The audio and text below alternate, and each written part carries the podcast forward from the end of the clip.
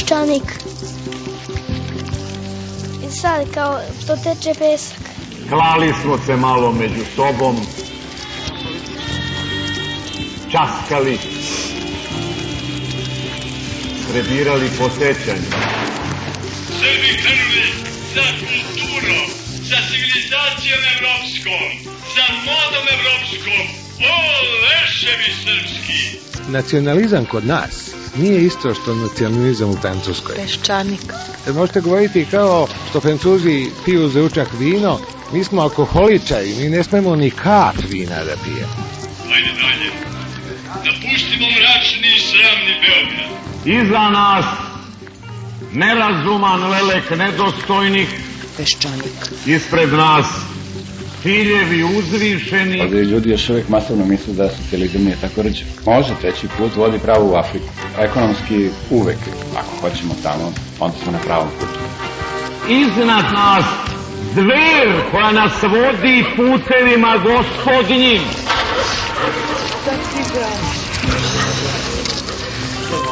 I da ne zatvorim oči. Peščanik. Ja mogu da zamislim Srbiju kao najdinamičniju zemlju na Balkanu i jednu košnicu sa malo trutova i puno radilica. Ako ne uspemo, niko nam neće biti kriv. I dugo smo, dugo još putovali. Dakle, mi smo izgubili 5. oktobar, da tako kažem. Nepredviđeno. Na televiziji vidim da se i rezultat drugog svjetskog rata promenio. Ugleda smo u bistroj vodi naša lica. Prema tome, ja očekujem da će Srbija krenuti nešto novo tek kad pobedi Turke na Kosovo. Iznenada briznu smo u plač. Peščanik.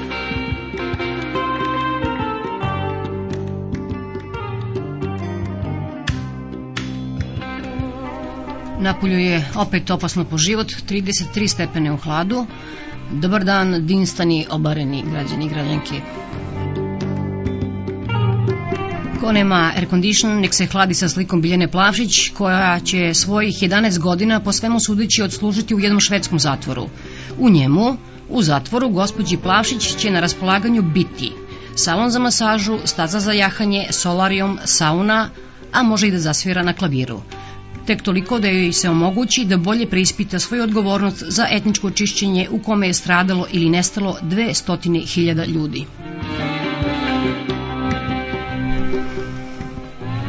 Ništa ne razumem, ne razumem ni pravdu, pr- ni prava, ni ljudska prava, a pogotovo pravo na život i to je jedan od razloga što će Peščanik završiti svoj život 28. juna. Dakle, to će se desiti na Vidovdan. Na Vidovdan smo izgubili na Kosovu. Milošević je tog dana isporučen u Hag. 28. juna smo ubili Ferdinanda, a ovog Vidovdana ćemo završiti sa Peščanikom. Preturajući stare kasete, a sve misleći na Biljanu Plašić, naišli smo na snimak iz 94. godine. Sećate se kada su na snegu po obroncima Jahorine Momo Kapor i šekspirolog Nikola Koljević pričali o Hamletu, Lady Macbeth i ratu. Biljana Plavšić je dakle priznala krivicu za ono malo zločina i dobila solarijum. Do kraja svog suđenja to će možda uraditi i Milošević kad vidi da se isplati, a Nikola Koljević ostaje još uvek jedini koji je presudio sam sebi. Što bi rekao Hamlet, biti spreman, to je sve. Dragi profesore, ne liči li vam sve ovo na neki uvod u jednu veliku Šekspirovu tragediju? Pa moram reći da mi je Šekspir, nažalost, pogotovo njegove tragedije, često padao na pamet u dugim ratnim noćima i u različitim ratnim situacijama.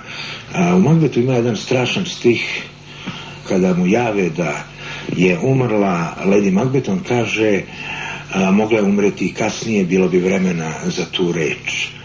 A onda dolazi jedan strašan stih koji govori o tome kako relativno normalan čovjek dolazi do situacije kada kaže dok gledam žive lepši su s ranama gde mu to jedno koljačko opredeljenje predstavlja izvesnu posebnu estetiku.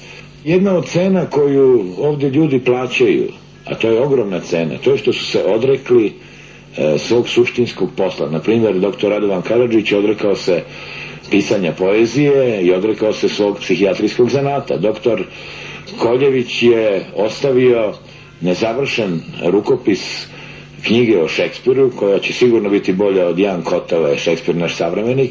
Kako se sad osjećate pred svojim nedovršenim rukopisom? Pa moram da kažem da se, ja osjećam da se meni moj rukopis u mnogim uh, delovima počinje da dešava. Od početka ovog rata, uh, što je Milković uh, govorio, osjećate se stiha, sad moje reči traže moju glavu. Što je zadnje pomislio kad se ubio? Pričaju da pismo nije ostavio i ni sa kim se nije oprostio. Samo je, pričaju, tog jutra sve radnike u kazališnom bifeu zadnjim pićem počastio i sa smješkom u podrume teatra otišao. U maloj sobi pretrpanoj umjetnim ružama i oružjem, gdje je većinu dana provodio, što je zadnje pomislio kad se ubio. Pričaju da je tog jutra svu rekvizitu za večernju predstavu na mjesta složio i sitne dugove uredno platio i još se, tako pričaju, u bojni oklop Richarda III. obukao i krunu na glavu stavio, sva zrcala prema sebi okrenuo i u lijevu sljepočnicu pucao kad se ubio.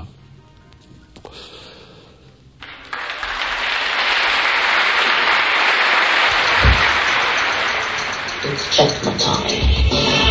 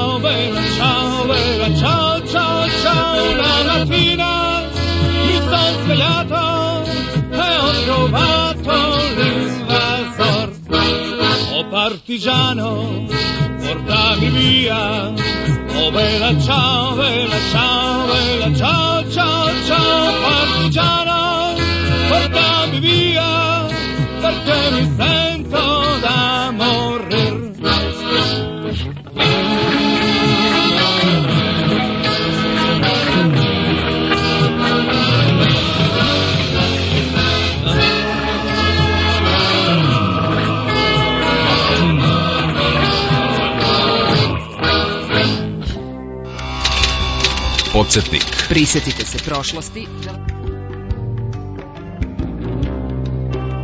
Evo je prošlost bilo, 94. godina, snimci iz 94. godine i tada smo imali problema sa sektama kao i danas kada su besni belopotočani spalili kuću, zovemo to sektom Sanatan.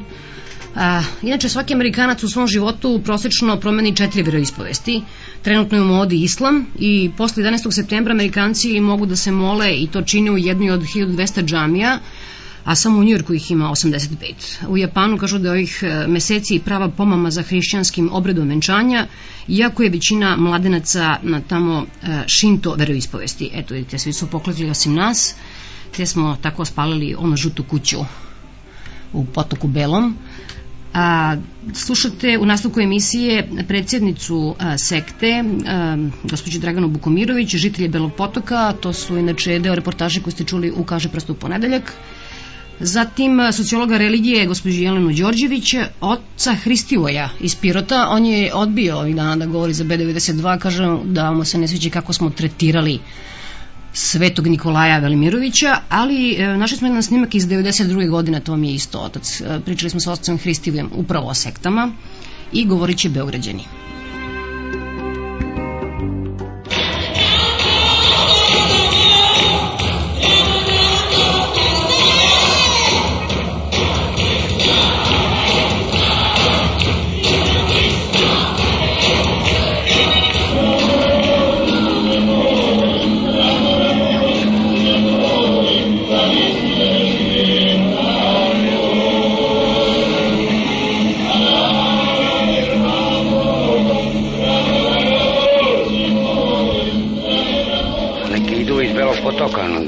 Na kraju, šta će ovde? Ako i selo neće kao selo, šta traže? Hoće da svi protiv sela, pa ne može ni kmet nije mogo protiv sela, ono hoće protiv sela. 99% je sektor. To su neki neartikulisani, kako da vam kažem govori dve reči i to lele po tri, četiri sata. Dernjavam, ko molitva neka, otku znam kad su to te dve reči neke. To je kao neka crkva, ko zna od te sekte satane. Ja sam još uvek u šoku od tolike količine neznanja i evo pokušavam da shvatim, zaista se trudim i, i ja i svi članovi društva, da razumemo šta je to tol, toliko njih uplašilo. Ali mi smo mislili da je to pubertet, dok nam nije rekao da mu preti sekta prek putem interneta. Slali su mu neke mrtvačke glave. E onda su počele telefonske pretnje. Da ćemo njegov rođendan 13. da slavimo na groblju. Krici, muzika iz filma Mini smo anđeli kad Nikola sanja svoju smrt. I onda smo dali oglas da prodajemo kuću. Gospođa kad je došla da kupi kuću, došla je sa džipom Ujedinjenih nacija i rekla je odmah čim je stala, rekla je to je ta kuća, to je taj krov počeli smo da povezujemo neke stvari, mislim, malo su više slučajnosti da zbog sekte propadnemo i da prodajemo kuću, na kraju da nam sekta kupi kuću. Da, crnkinja koja za šeta po Avalija moja snaja, koja šeta kuće, jer je tako navikla u Americi. E, sedenje na krovu je e, jedan od naših članova koji je popravljao krov zato što nam prokišnjava. Ali prosto sad ne smem da se smejem, jer se sve završilo dosta tragično. Već desetak godina se jako mnogo govori o, o sektama, s tim što se apsolutno ni na koji način nije našla ni minimalna definicija, niti razgraničenje pojmova. Pa se onda u isti koš stavljaju maltene i nevladine organizacije, razni kultovi, opasni kultovi, razne psihičke manipulacije, razna alt, oblici alternativnog lečenja i razne hrišćanske denominacije koje su inače priznate na raznim stranama sveta, podkulturni pokreti, dakle sve se to na neki način trpa u isti koš i naziva sektom. Druga stvar, uglavnom u literaturi koja se kod nas objavljuje, sve sekte tako zajedno, džuture, su usredsređene na rušenje srpskog identiteta i srpskog duha i deo su novog svetskog poredka. Dakle, sve knjige koje su kod nas objavljene podjednako tretiraju ozbiljne, tradicionalne, priznate crkve, recimo kojih ima u Vojvodini koliko hoćete, sa raznim kultovima koji niču ad hoc diljem zemljine kugle, naročito na zapadu, i koji jesu sumnjivi i koje prosto treba preispitati. Ali, to opet ne znači da su oni svi podjednako sumnjivi, da su svi podjednako destruktivni i da su svi upereni protiv e, mentalnog zdravlja naroda. Jer u čemu je problem? Zapad traga na svim mogućim mestima neku vrstu novog spasenja koje ne može više da nađe u tradicionalnim crkvama kao što su, jel da, katoličanstvo, pa evo kod nas eto i pravoslavlje. Drugo, postoji ogroman broj nezaštićenih ljudi, marginalnih grupa, sirotinje, izgubljenih u tom individualizovanom svetu usamljenosti. Ljudi traže svoje lično spasenje. Naravno, ima jako mnogo harizmatskih kultova koji su zasnovani na čistom blefu. To smo hiljadu puta imali prilike da gledamo na, u američkim filmovima. I mi već poslovično uplašeni od sveta koji doživljavamo kao nešto što je nama donelo dosta zla, vrlo često fokusiramo svoj bes, jel da, i agresivnost na te sekte, koje su same, evo, već deset godina, kada se zapravo o njima govori, e, ispadaju krive za sve. E, vrlo često to je neka vrsta kao žrtvenog jagnjeta za sve druge propuste, za sve druge gluposti, tragedije i užase u kojima smo se mi našli. Imam utisak da ovde, u ovom celom događaju koji se desi u Belom potoku, da je i taj mehanizam na delu. Da je prosto neka agresivnost i neka ljutnja, nesigurnost, bes, e, sve ono što muči običnog čoveka u vremenu tranzicije o kojoj ne zna ništa, ne zna, ne zna gde je krenuo i gde mi uopšte idemo, koji je dezorijentisan, prosto taj bes eto tako fokusirao na, na ovu grupu koja je moguće bila krajnje benigna i živela svoj život strašno je opasno prosto krstiti da je neko sekta i onda dobiti odmah a priori pravo da se nešto zlo njima učini, jer oni navodno čine veliko zlo ne samo srpskom narodu kao celini, pravoslavlju, nego i našoj deci. Opasan je svaki sektaš. Uzmimo primer jednog Jehovina svedoka. I pionir njihov dužan je 9 sati dnevno da propoveda. Znate li vi nekog sveštenika koji 9 sati dnevno propoveda? A oni imaju takve. Mislim da je sektaštvo veliko zlo. A mi pogrešno shvatajući demokratiju izjednačavamo našu vekovnu pravoslavnu veru sa sektašima. I mislim da smo mi u Ustavu izjednačili sa, sa sektama kojih ima ne znam koliko registrovanih, ali sigurno 50-ak, a iz centara, iz Amerike, iz šta ja sve znamo dakle ne, šalju se sredstva, šalju se brošure, znam jednog Jehovinog svedoka ovde u Pirotu koji je probao hiljadu poslova da radi, ni na jednom se nije zadržao kako valja. Kad je tamo otišao, odjednom on ima na hiljade Biblija da podeli i, i, i brošura, odakle mu? Znači da dobije od nekoda. Pa ne znam, mislim da to u principu jedna strašna stvar, sekta uopšte, zato što jako otuđuju decu od porodice i uopšte ljude. To mi je onako mračno, nepoznato, ali ne sluti mi na dobro čim se toliko krije i ne znam u čim su toliko zatvoreni. Pretpostavljam da ništa nije tako dobro. A ljudi ne znaju kako je u tim sektama i šta se događa. Mislim da je strah prvo od nepoznatog, to je prvi strah koji imamo.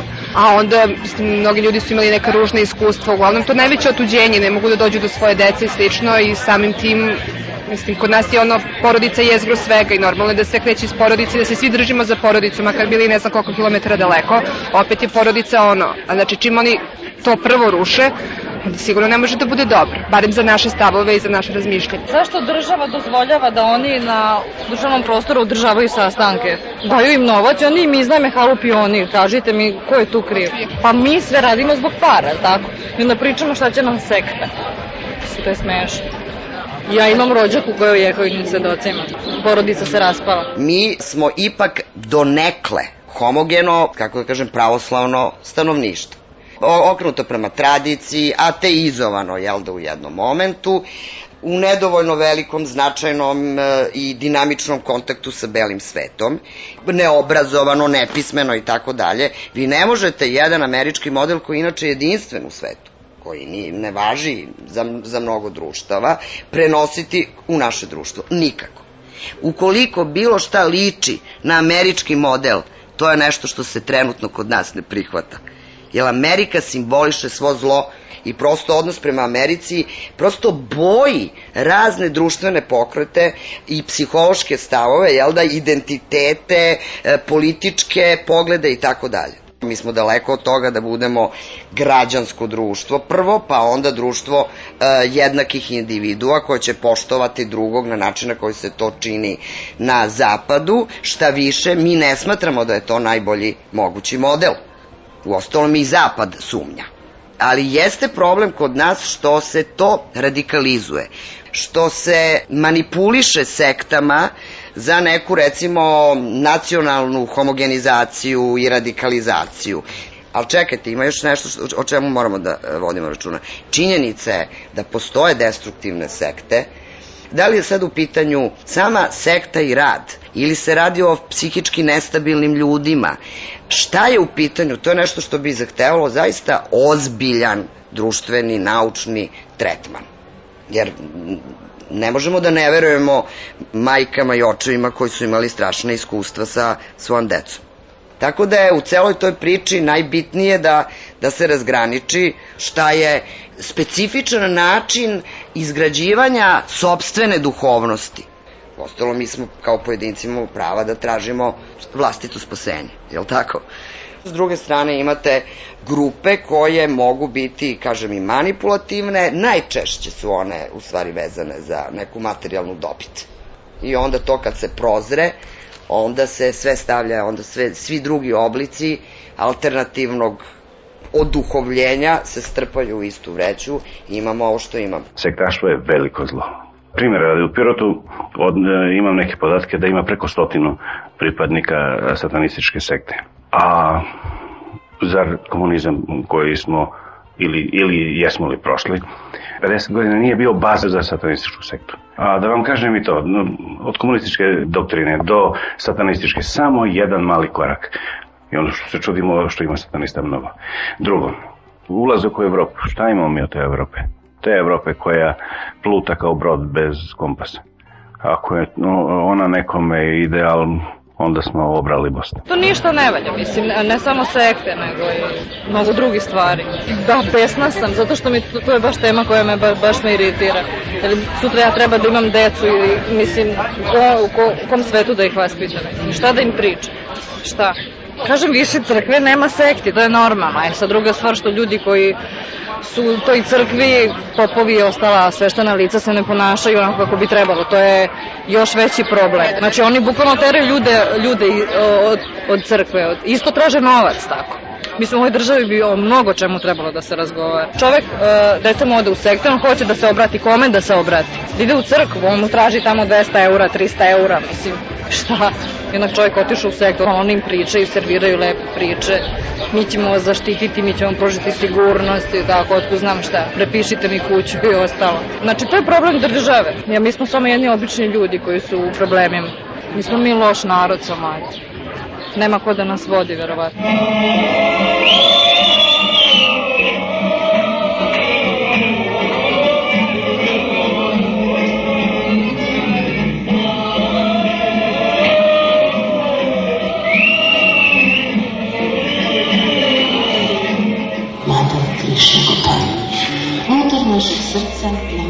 Predivni hram. Ako ga ukrasimo cvećem svoje ljubavi i iskrenosti, možemo ugledati Madama Krišna Gopala. Ja mislim da je crkva naša kriva za to, zato što je bila zanemarila vjernike. Mislim, možda i nije, ali što tiče sekti, oni samo iskoristili tu prazninu, to je jedno nevjerništvo naroda i preuzelo su vjernike, tako da to je problem crkve više nego državi. Mislim da to treba izbjegavati, a što se tiče odnosa prema njima, pa ne možemo i mi sad ubijati ako su ono sekte. Ali mislim da je to loše. Većina ih je ono kao satanistički i tako nešto, a i znam da ih ima dosta, pogotovo u Vojvodini, 40-ak sekti, mislim da je to baš previše, tako da... Satanističke? Pa ne satanističke, nego uopšte sekte. Sekte kao sekte. Mislim da nijedna sekta ne završava dobro. Krajnji ishod je loš. Ili tragičan. Pa većina ih se ubija, vidimo po svijetu svugdje, sve sam ubisao, tako nešto. Imaju svoje rituale koje ubijaju ljude, onda privode mlade ljude u sektu. Me smatram da u 90% slučajeva da su sve sekte vrlo loše, znači ne kažem da su sve 100%, ali može biti neka i dobra kao da ima neku vjeru u sebe. Pa ne, ja znam momka koji je sektor, kao ovaj, on je bio na ratištu i on je ovaj, ranjen i njemu je noga odrezana, međutim naše vlasti, Bosne i Hercegovine vlasti mu nisu izlaze u susret i ovaj, izašao mu je sekta u susret, pomogla mu je, dala mu je auto, stan, zbrinuli su ga i on, on se izgleda sekti i sad, mislim, trenutno živi u Americi i ovaj, ima ženu isto iz sekte te i on je sad on, sad je tamo i ima svoj život, a vlast njegov, naša nije brinula o njemu. Uopšte sad, na primjer, mislim, to je na primjer je pozitivno što, to je što se ja znam nešto o sekta, znam i drugi stvari negativne. Što mislite, oče Hristivo je, šta je konačni cilj pripadnika, ne znam, jehovenih svedoka, satanističke sekte ili svih ostalih sekti o kojima vi govorite? Šta je to što je po vašem mišljenju konačni cilj? Pa da se napravi jedna koktel vera kao što u Americi vi možete da majka ide u jednu crkvu, otac u drugu, dete u treću, e, majka je crnkinja, otac je žut, deca su crvena, šta ja znam već, oproste, e, kakva će kombinacija iz, iz žutoga i crnoga ili dalje, da ne postoji jedna istina, a istina u stvari jedna.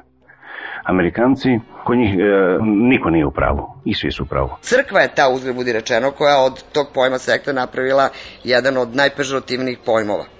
Pored toga što su hrišćani bili sekta u svoje vreme kada su se javili. Tako. Te sekte, ta verovanja, moramo da posmatramo sve u kontekstu naše političke situacije.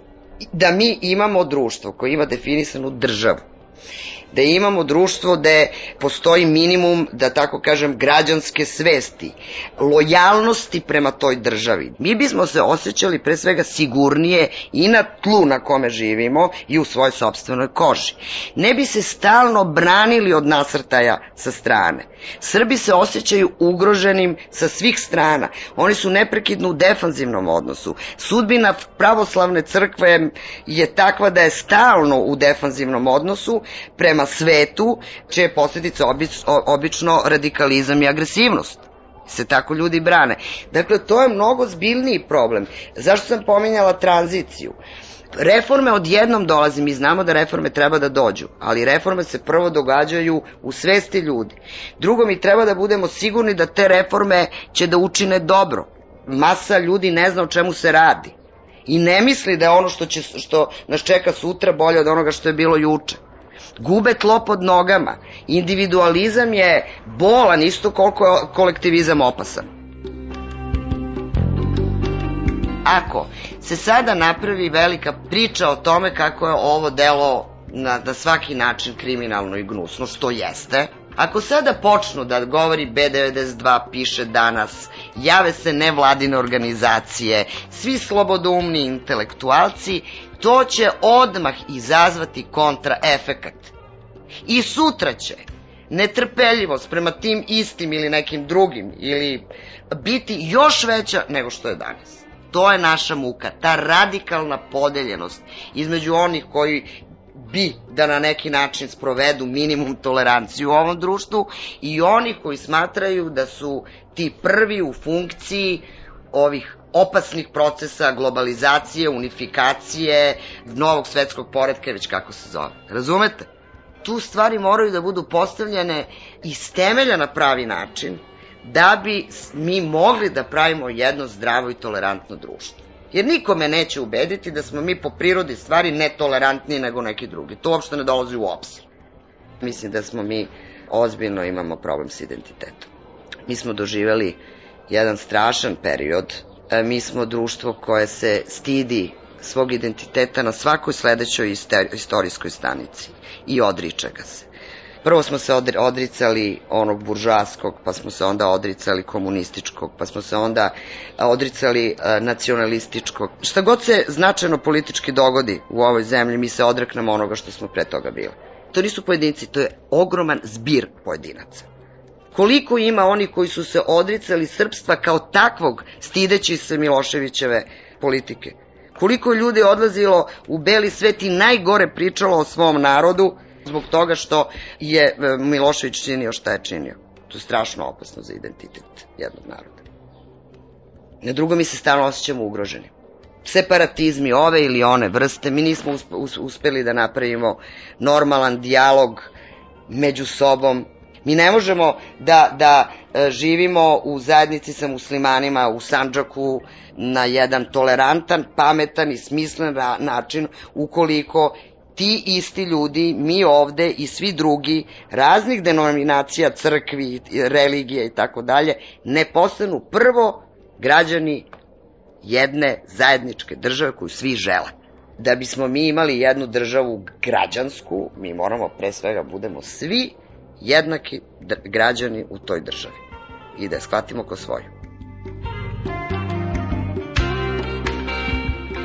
sad sam se vratila iz Londona, Srbi se stide, ne smeju da kažu da su Srbi, jer se plaše za svoj život i za svoju egzistenciju i za budućnost svoje dece, da će ih gledati drugačije nego ostalo. To je tužna priča. Vi imate ovaj strašnu sudbinu koja je zadesila taj nesretan narod sa Kosova. Oni ne mogu biti odgovorni za Miloševića, Tita i sve ostalo što je bilo prethodno, je li tako? Sa njihove tačke gledišta oni jesu žrtve sa njihove tačke gledišta se nešto strašno dogodilo i tom srpskom narodu, a ne samo drugim narodima u bivšoj Jugoslaviji. Razumete? Sa te tačke gledišta e, mi moramo da imamo u vidu da postoji toliko i toliko ljudi koji tako misli u ovoj Srbiji. Ne samo zato što su zaluđeni, ne samo zato što su radikalizovani pogrešnim politikama, nego prosto ne razmišljajući spontano, intuitivno reaguju kao ljudska bića na sudbinu koja ih je zadesila a njih smo potpuno zaboravili. Ja samo želim da kažem da mi nismo spremni za novo, koje dolazi u tako strašnim naletima. Ne radi se o meni i o vama, koji to novo jesmo iskusili, koji, sa kojim živimo u, u skladu i miru. Radi se o masi neobrazovanih ljudi, nesrećnih, bez posla, siromašnih, sa rasturenim brakovima, sa decom koje su otišli u beli svet, sa decom koje se drugiraju. Molim vas, to jeste naša soci, socijalna zbilja. Slušajte, pa ovde su ljudi svi zamoreni, bolesni, slabo se osjećaju, pogledajte, molim vas, koga god vidite, svima nešto fali, nešto nije u redu sa našim životom. Ja sam se vratila, kažem, skoro iz Londona i potpuno sam ponovo pala u očajanje.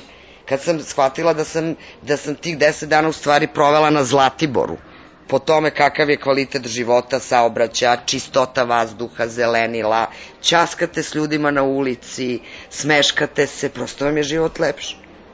Mi smo samo navikli da, da mrzimo i druge osporavamo. Nikad ništa pohvalno nismo čuli. Ako se kaže pohvalno, onda se ljudi sami hvale. Sami sebe hvale, jel da? Ili se hvali eventualno vlast iz nekog interesa. To je najveći da gubitak Zorana Đinđića u tome. Što je to bio čovjek koji je znao afirmativno da govori o svemu. Ja sam podnela to kao da sam jako bliskog ličnog prijatelja izgubila. Prosto taj waste, tolike energije, znanja, obrazovanja, svega, to, ni, to nepodnošljivo.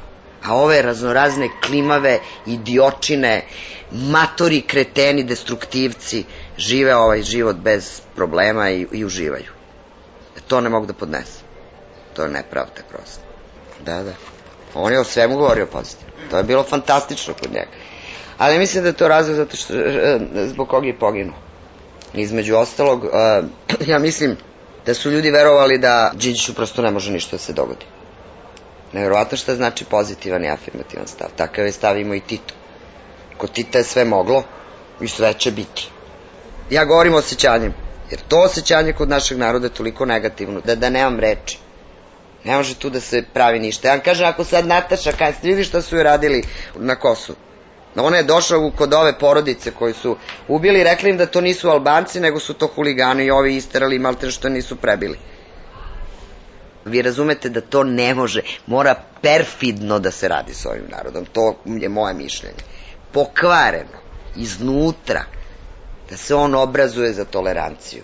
A ne što će da trklja Nataša Kantić, u koju niko nema poverenja. Od deset intelektualaca u Beogradu. To je moje mišljenje. Peščanik. Bilo ovo sociolog religije, gospođa Jelena Đorđević, inače posle 5. oktobra profesor Fakulteta političkih nauka, a sada slušate Dragana Babića, novinara i pisca. Ovih dana će izaći njegova nova knjiga Ti možda misliš drugačije. Mislim da je sad došao jedan trenutak od kada smo postali američki klijenti, što je za mene bilo očevidno kad se ovde u sred rata u Iraku pojavio Colin Powell. Takve naglaske ne možete da propustite kao slučajnost, pogotovo kada je u pitanju jedna takva zemlja kao što Amerika, koja danas apsolutno vlada svetom i koja u taj svoj koordinatni sistem tačno u određeno vreme za jedan određeni trenutak izabere da taj čovek dođe ovde i ovom čoveku kaže nešto jako važno. Od tog trenutka stvari su počele da se menjaju. Pa ste primetili onda kako je Boris Tadić počeo na sasvim drugi način da tretira reformu vojske, kuda god ona do sad stigla, te konačno onaj pokušaj objašnjenja svetu, a pogotovo mladom koga se to najviše tiče, svega o čemu do sada nisu imali pojma, šta znači služenje civilnog roka, šta znači prigovor savesti. I bile su neke ankete, pa se vrlo lepo videli da deca koja treba sada da u vojsku nemaju predstavu o svim tim stvarima. I konačno, jedan od zaključaka je bio, pa to nije u našoj tradiciji. Pa tačno da nije u našoj tradiciji.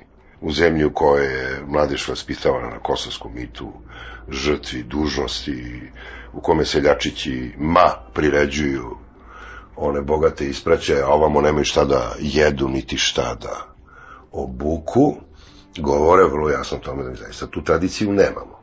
Dakle, dolazi jedno veliko učenje na red. Šta je to uopšte? E sad morate istovremeno da se zapitate koliko tih mladih ljudi koji tome pojma nemaju, koliko li tek u sebi i u svom jednom mentalnom i duhovnom sklopu imaju predstavu o tome ko su. Ako dođe jedna trenutak pa kažu da, ja želim da podvučem taj prigovor savesti, šta je to? Služenje civilnog roka, šta je to? To moramo da ih naučimo.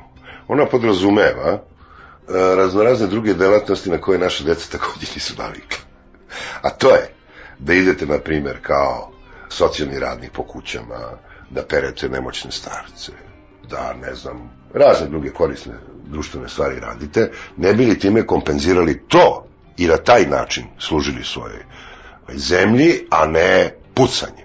Bojim se da će to oni početi da rade kao mali hohštapleri, ne iz uverenja, nego da bi izbegli vojsku. Onda pritom, daj Bože da će učiniti nešto za svoju zemlju, te tim društveno korisnim radom doprinjeti na neki drugi način, odužiti se njoj. Ja.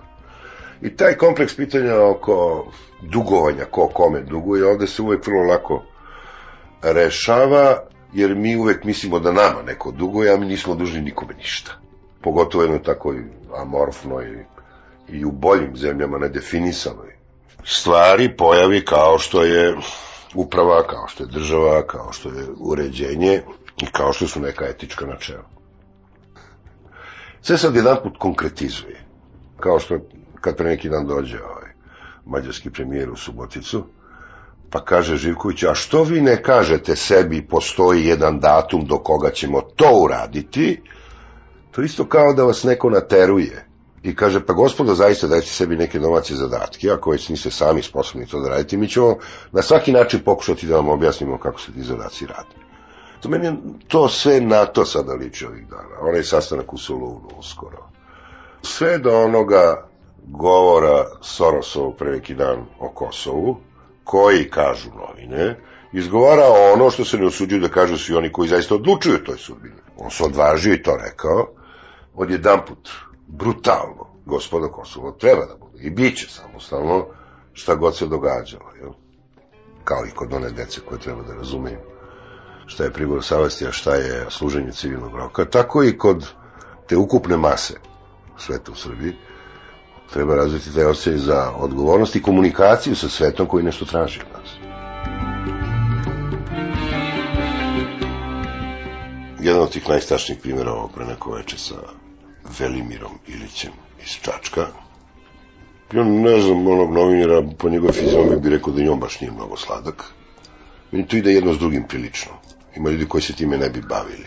Ali hajde da ostavimo novinara na miru, to što ovaj htede da ga šutne jer ga ovaj nešto pitao. Tu ništa ne valja. U tom događaju, a takvi događaja je strašno mnogo. Za manje više šutiranja. Mi se još uvijek šutiramo ovde na političkoj sceni, a nema nekog ponašanja racionalnog, verovatno zato što iza nas, iza naših leđa još uvijek ne postoji nekakva e, socijalna situacija na kojoj, na osnovu koje bismo mogli se ponašamo malo mirnije. Nije ovo društvo siromašno, nego se samo sve više raslojava. Taj strah, ta frustracija proizvodi između ostalog to ponašanje. Ta strašna socijalna frustracija u ovim promenama, kojih se ljudi veoma sporo postaju svesni. Nisu prepoznali da je ovo što se sada zbiva takvo kako je kapitalizam. Sa svim svojim perverznostima, devijacijama, kao i sa onim boljim svojim komadima koji se zove institucionalizovanje, humanizovanje, demokratija, ali ovom okrutnom vidu, na opšto timačina, laž, lopovluk, jedna bitka do istrebljenja. Meni je bilo dobro što rekao Mirko Marjanović, baš bilo sjajno kad smo menjali, ne znam, po ulicama za Marko ono, a imali smo sve ono, baš bilo fino. Teško narodu koga takav političar vaspitava, a takvih ja mislim da ima još uvek. I sasvim dobro raspoloženi. Njima je sjajno. Znači, morate nešto da rizikujete kad se bavite politikom. Ako idete nasigurno, nema nikakve sumnje da ste u njoj samo zato da biste imali od nje neku dobrobit i vi ne dopuštate po cenu smrti da vas neko skloni odatle. Ovo što se desilo sa Veselinovom, to je da vrlo zgodna stvar, iako se on onako muški branio, da je to sve zavera protiv njega, jer za Boga, kako možda zamisliš da te neko skloni sa vlasti? Zamislivo ovde. E, ali ovde vlasti čovjek ne košta, ne košta mnogo. Onako, uvek se goji, uvek To je jedna statusna stvar koja se niko ovde ne bi odrekao što na svetu. Čak ni zbog časti.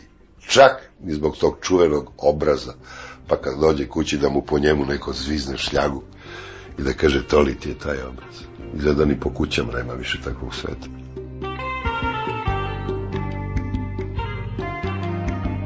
Da ja brinem o tome ko je ubio Đinđića. On je ubijen. To je fakat. A ovo drugo mi se liči na neko upućivanje u neku, u neku paranoju, koju ja niti zaslužujem, niti je moj posao, niti sam toliko naivan i toliki amater, da tražim detalje i pojedinosti u tome, i po imenu i prezimenu, ko je to tačno izveo. To počne da liči na ovu krvožednu žutu štampu, koja je potpuno svejedno ko je koga ubio, važno da se neko ubija. Tu čak i tiraž prestaje da bude važan, važna je ta, ta golicavost, to, to stvaranje nove misterije, to stvaranje jednog bulevarskog duha, šeloholmizma.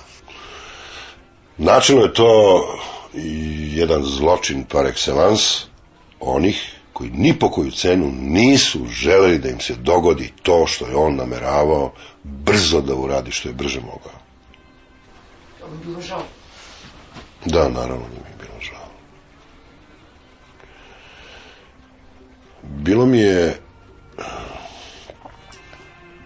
bilo mi je strašno teško što sam se nagledao brutalnosti i morbidnosti u Srbiji koje su skoro legitimizovale ubistvo, zločin, a da još uvijek nemaju na raspolaganju ništa od onih demokratskih mehanizama koji bi ovaj život ovde upristojili.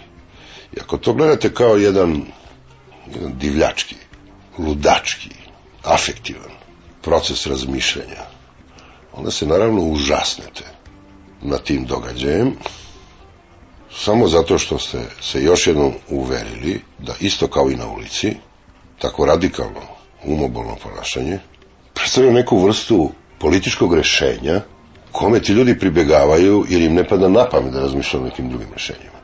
To su radikalne rešenje i mi smo time to rešili. O tome da nisu rešili ništa i da se takve stvari ne zaustavljaju nikada u ubistvima, takođe niko ne razmišlja. Ali opet ako me pitate, tu ima nešto, nešto nevaljalo. to je ubistvo Slavka Ćuruvije. Da li smo pronašli njegovog ubicu ili nismo? Tu ima nešto što nikako nije kako treba. Ne možete više govoriti kako ne znate ko je ubio Ćuruvije. Biće onda da opet ima jedna velika tamna strana u ovom društvu, gde bi povlačenje jednog konca oparalo dobru polovinu džempera. Ko zna na što tamo to još treba da se naiđe ili na što smo mi, mi nismo, ali ti koji to rade, naišli pa možda ima razloga da se to sada ne može sasvim tačno reći. On je to napravio film o ubistvu Kennedy. Divno. Zabava. On ispričao tamo sve što se desilo. Kad se na kraju filma pojavi Donald Sutherland, objasnim da je tu stvari državni udar jer u tom trenutku komanda je bila tu i tu onom avionu. Te grupe su imale taj i taj interes. Kennedy je hteo to, to i to, o čemu se malo znalo, a grupe koje to nisu nikako treba da im se desi, organizuju naprave taj atent. On ispriča sve to u Oliver Stoneovom filmu. Film se gleda kao što bi se gledala braća Marks. Svi smo divno zabavljeni. Šta se desilo? Ništa.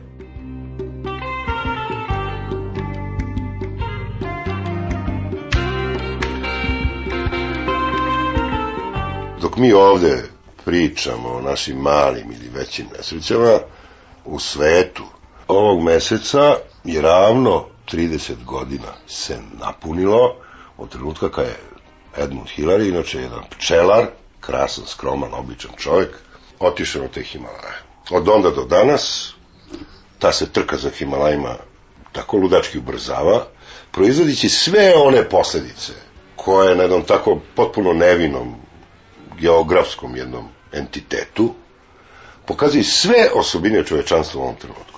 Prvo ta, to omasovljenje avanturizma, ti se odlazite na Himalaje kao da idete u samoposlugu. To nekog budalu i košta i treba da ga košta. I Hillary je rekao, koji je tada imao 33 godine kao Hrist, rekao je da sad imam 33 godine, ne bih išao tamo. Jer, umeđu vremenu, on je taj narod opismenjavao, što je vrlo plemenito.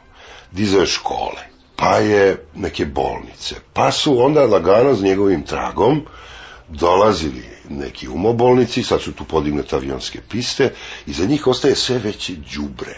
Sve se ubrlja i umaže i ono što je bio heroizam pretvara se u turizam. I u toj velikoj skali ljudi koji su potom se pentrali po Everestu, sada imate kada je prva žena se popela na Everest, moramo znati kad je prva žena tamo. Ko se bez kiseonika popeo prvi na Everest ko je bio toliko lud da se na skijama spusti sa Everesta do prvoga kampa i konačno to za moj ukus i razumevanje čovekove naopake duhovnosti, dolazi Erik Weiheimer, jedan slep čovek, koji su s pomoć svojih prijatelja popne na Everest. Sad zamislite najpre te ljude koji možda ni na kraju pameti nije bilo da se penju na Everest i da svakog drugog je to samo po sebi agonija. Oni sa njim odlaze na Everest, zbog njega odlaze na Everest. On ne vidi ništa. Zar nije slepom čoveku dode odavde 8880 metara ravno, isto što i popeti se u vis. To me onako potpuno ošamutilo. Je se kod svih neverovatnih ubrzanja na kugli. Sada i neke najnevinije stvari više ne mogu spasti tih ubrzanja, nego su one uvučene u jedan opšti levak nekakvog bezumnog kretanja, ne zna se kuda, ne. Bio je ovo Dragan Babić, a za kraj slušate Vojna Dimitrijevića.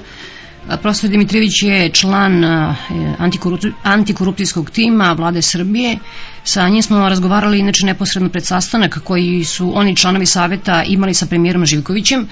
Savet je inače zapretio kolektivnom ostavkom ukoliko vlada i dalje nastavi da ih tretira kao ikebanu i to nepotrebnu. Teme sastanka bile su između ostalih Pink i Savet za radiodifuziju. Rezultat dan posle toga, sporni član saveta, Nenad Cekić je izabran za predsednika saveta, a danas je Cekić zapretio da će svi koji od njega ištu frekvenciju biti javno saslušani. Dakle, govori Vojen Dimitrijević koji trenutno danas dakle, na skupštini svoje stranke Građanskog saveza Srbije i nadamo se da večeras na vestima nećemo čuti da smo dobili još jednu partiju više. Imate neke stvari koje znate da moraju da se dese, mada ne možete da predvidite detalje. Recimo u Francuskoj se pred svaki božićni rasput zna da će jedno 500 ljudi da pogine u saobraćenim nesrećima, odnosno da bude povređeno, ali se ne zna koji su.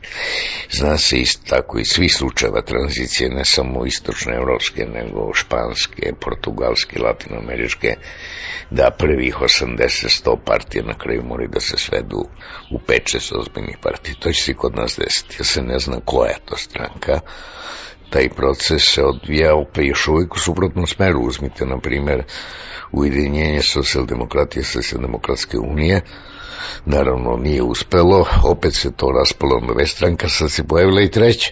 I mi smo ostali bez rapo jasne socijaldemokratske opcije. Mi smo ostali bez levice. I sada to podrazumeva neku vrstu discipline. E kod nas izgleda te partijske discipline nema dovoljno, ne znam kako ide sa svim strankama, ali očigledno ljudi koji se domognu nekog mesta gore u parlamentu ili postanu ministri pod raznim izgoreva počne da vode neku svoju politiku. A paradoksalno je to da je u početku prednost DOS-a bilo u tome što je što je mogo da napravi vladu od predstavnika raznih stranaka koji verovatno jedna stranka ne bi mogla po kvalitetu.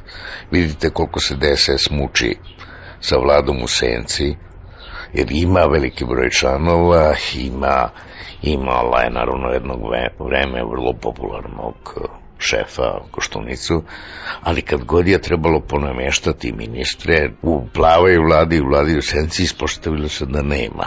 A u prvo vreme izgledalo da recimo srpska vlada izgledala sjajno, moram reći, za jednu tranzicijonu vladu. A sad se dešava to da stručnjaci postaju političari i da jednostavno ta vrsta istorijske odgovornosti nije na nivou. Ja to ne znam da objasnim, ali mislim da će i to sa nekom smenom generacija doći. Mada moram da kažem, naš je ponor bio tako dubok, ipak ne zaboravite, svaka nacija koja izgubi jedan rat je konfuzna, ako izgubi četiri rata. Tako da se ipak oslobađamo. Pogledajte šta se u vojsci dešavalo, vi da ste imali jedan tako odličan trik da penzionite generale i onda ih stavite u najvažnije telo saradnje sa Hagom i onda Milošević tamo zna sve i svašta, to se sad tek otkrilo. Tako da ima tu nekih poboljšanja i ljudi postaju svesni tih poboljšanja. Očekam da će da se desi to da će narod sa nekim ipak relativno boljim životom da postaje politički ravnodušni. To možda ima loše posljedice da se neko može nametnuti jel da, bez kontrole javnosti, a možda ima i dobre posljedice jer se neće ljudi toliko grabiti za političke položaje, jer u normalnim razvijenim zemljama mesto u ekonomiji za čoveka mnogo privlačnije nego mesto u vladi i prestaće taj sindrom silomašnih zemalja gde može da se obogatiš samo učešćem u vlasti.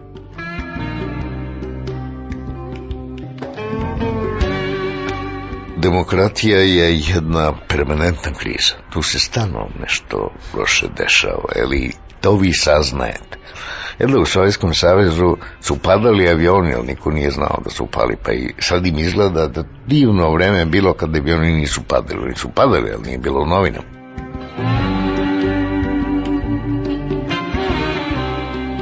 Imate probleme koje političari smatruju tabuom, a možda nisu tabu. Recimo Kosovo. Kosovo niko ne sme još uvek da otvori. To je bila Miloševića velika prednost. Niko iz opozicije nije smeo da kaže ništa o Kosovu. A sada možda je možda je vreme da se traže neka rešenje i možda je vreme da političari shvate, naročito mlađi, da se može i dati ostavke. Ne zbog onoga što je Gosilino dao, nego jednostavno da se ostane zapisan kao čovek koji zastupa jednu ideju, pa nije uspod da sprovede, pa može da se vrati. Dešavaju se dve vrlo važne stvari koje smo proricali. Oni vlastodržci elita iz tog vremena, naravno političko-ekonomsko-kriminalna, ona se već pripremila da izađe iz politike, ona se premestila u ekonomiju. I sad ti ljudi imaju toliko para da mogu svakog da kupe. To smo predviđali i to se desilo. Drugo, odsustvo straha od policije, od represije, rezultira u tome da odjedarec svaka kukavica izlazi na ulicu i protestuje, traži ovo, štrajkuje, demonstrira, ometa saobraćaj i tako dalje, više nema straha. Da nije to bio strah. Tako da takve stvari moraju da se dese da se žive. Sada je tu šteta što recimo ta sindikalna rukovodstva nisu odgovornije. Nedavno sam čitao jednu analizu da sindikat kako bi rekao, razuman koji funkcioniš u razumnoj državi, on proba sve drugo pre štrajka. Jel, ovde se trči isto sa jednom željom da se prosto izazove neka nostalgija za tim vremenima, kada su sindikalni rukovodioci, a neki još nisu promenjeni, pravili šatro štrajkove protiv Miloševića da bi Milošević mogao da da ustupke. Jel da i sad to ide ponovo tako.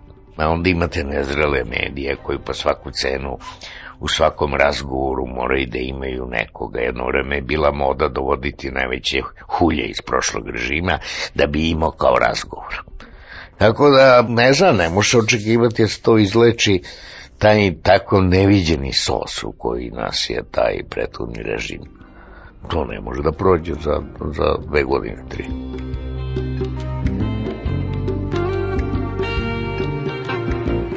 U staroj SFRJ, u celoj SFRJ je bilo 3000 nešto preko 3000 advokata. Danas samo Beogradska komora ima preko 3000 advokata. I sad treba pitati odakle su oni stigli. Jer da onda u ovim smutnim vremenima najbogatiji su advokati oni koji imaju najčudnije klijente. Jer cela ta naša pravna profesija koju ja pripadam, ona je u velikoj meri izgubila ugled i nekako se kod nas smatra da je pravnik primitivac. To je sve jedan plod raznih događaja i pre Miloševića. Jel, kada je bila čistka u udbi, mnogi udbovci su otišli advokate, pa onda bilo tužilašte, pa tako. Ali mislim da ovaj način bojkotova na suđenje i šta je znam sada, kojim advokatska komora preti da vam potpuno bespredmetan. Ne?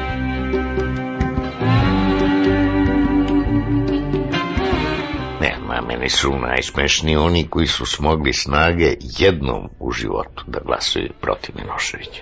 24. septembra i zato su očekivali basnoslovnu nagradu. Ti su najljući.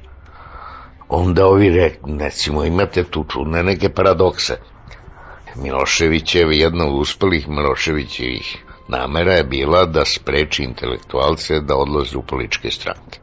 'Jer to je kakano, to je kao, nije dostano intelektualca, možeš da budeš kod njega. Jel kao i nekada, sad možda budeš savez komunista, ali ovo je borba za vlast i tako. I on je u tome uspeo. Ja znam koliko sam ja doživljavao tu neke osude, podsmeha, jer kao eto otišao sam u političku stranku.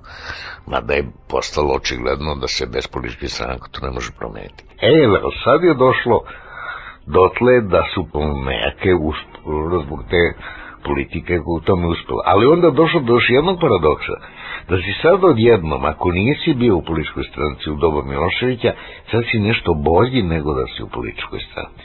Pa sada se bira, evo, izbor radiodifuznog saveta, eto ne sme niko da bude iz političke stranke i, i sad dolaze neki čuvari svog sobstvenog dupeta sa nekim velikim prednostima svoje da kažem i kukavičluka ili straha da ne izgubete svoje intelektualne oreole. Tako da to je jedna guža u kojoj ne može niko čovjek da kaže da se sasvim snašao, ali ipak e, tvrditi da se ništa nije poboljšalo, to stvarno nema smisla. Bio je profesor Vojn Dimitrijević, Budući da će Cekić e, da nas saslušava za frekvencije, povlačim svoje skromne reči da će ovaj vidovdan biti upamćen po poslednjoj emisiji Peščanik u istoriji srpskog naroda.